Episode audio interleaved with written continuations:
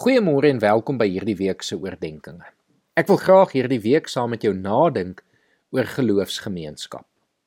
Nie lank gelede nie, is Sondagoggende in Suid-Afrika gekenmerk deur een aktiwiteit: kerk. Vir meeste mense was dit tradisie om weekliks eredienste by te woon en deel te wees van die gemeenskap van gelowiges. As gelowiges weet ons hierdie is ongelooflik waardevol. Maar tye het verander. Gemeenskap onder mense vind op Sondae nie net meer by die kerk plaas nie. Mense vind gemeenskap met ander mense deur ander gemeenskaplike belangstellings. Sportklubs, vriendekringe wat saam kuier, gaan uit eet. Daar is vandag meer opsies om van te kies as ooit vantevore. Vir jare vertel koerante al die storie dat kerke geleidelik leegloop.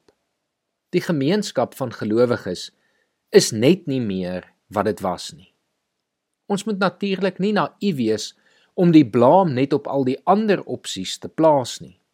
Ons moet ook die vraag vra: Maar hoekom sal iemand eerder op 'n Sondag gaan braai by die dam as om kerk toe te gaan?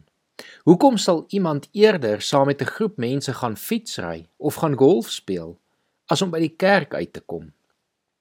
Miskien is dit tyd dat ons die harde realiteit in die gesig staar. Die kerk is nie meer vir baie mense relevant nie.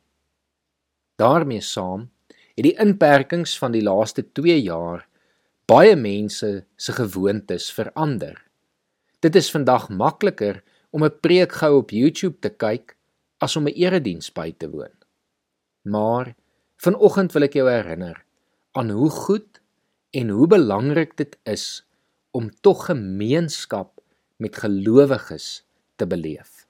Die gemeenskaplike faktor van ons geloof in Jesus moet genoeg wees om weer die erns van die gemeenskap van gelowiges met mekaar te besef en uit te leef. Ons moet dalk weer sommer net teruggaan en gaan kyk hoe die vroeë kerk as gemeenskap gefunksioneer het. En dalk kan ons weer iets by hulle gaan leer wat ons ook vandag kan toepas. Ek glo daar is baie om daar te leer.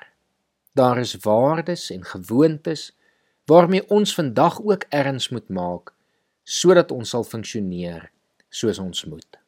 Waardes soos onderlinge versorging van mekaar, gasvryheid en liefde, geloofsgewoontes soos om saam en vir mekaar te bid, saam nagmaal te gebruik en God se woord saam te lees en ook om te loof en te prys.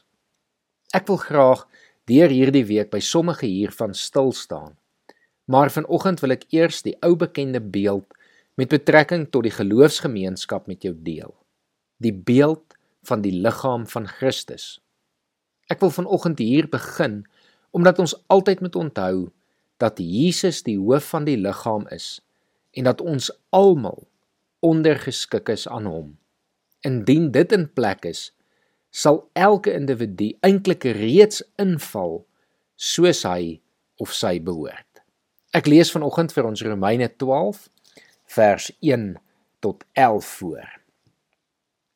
Op grond van die barmhartigheid van God roep ek julle dus nou op om julle liggame beskikbaar te stel as 'n offer wat lewend en heilig is en vir God aanneemlik is.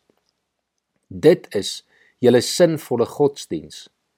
Julle moet nie aan hierdie wêreld gelykvormig wees nie, maar verander word deur die vernuwing van julle denke, sodat julle goed kan onderskei wat die goeie en aanneemlike en volmaakte wil van God is. Deur die genade wat hy aan my gegee is, sê ek vir elkeen van julle dat jy nie meer van jouself moet dink as wat jy behoort nie, maar dat jy jou gedagtes daarop moet instel om verstandig te wees, volgens die maat van geloof wat God aan elkeen toebedeel het. Want soos ons baie ledemate in een liggaam het en nie al die ledemate dieselfde funksie vervul nie, net so is ons al is ons baie een liggaam in Christus en individueel lede van mekaar. Ons het gawes wat van mekaar verskil volgens die genade wat aan ons gegee is.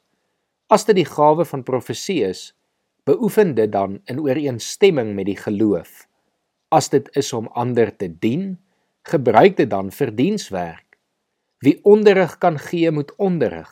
Wie kan bemoedig, moet bemoediging gee. Wie mededeelsaam kan wees, moet dit met opregtheid doen.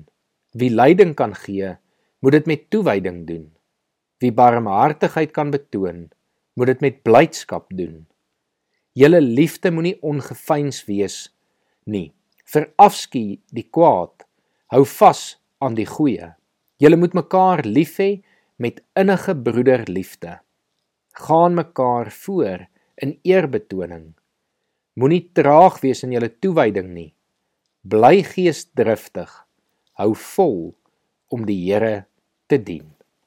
Kom ons bid saam.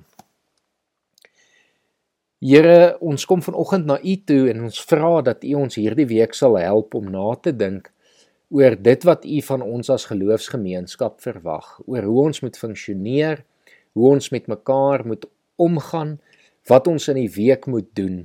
En Here, dat dit wat U van hierdie week met ons deel, dat ons dit regtig sal toepas en dat U ons sal help om ons lewens daarvolgens in te rig. Ons bid dit in Jesus se naam. Amen.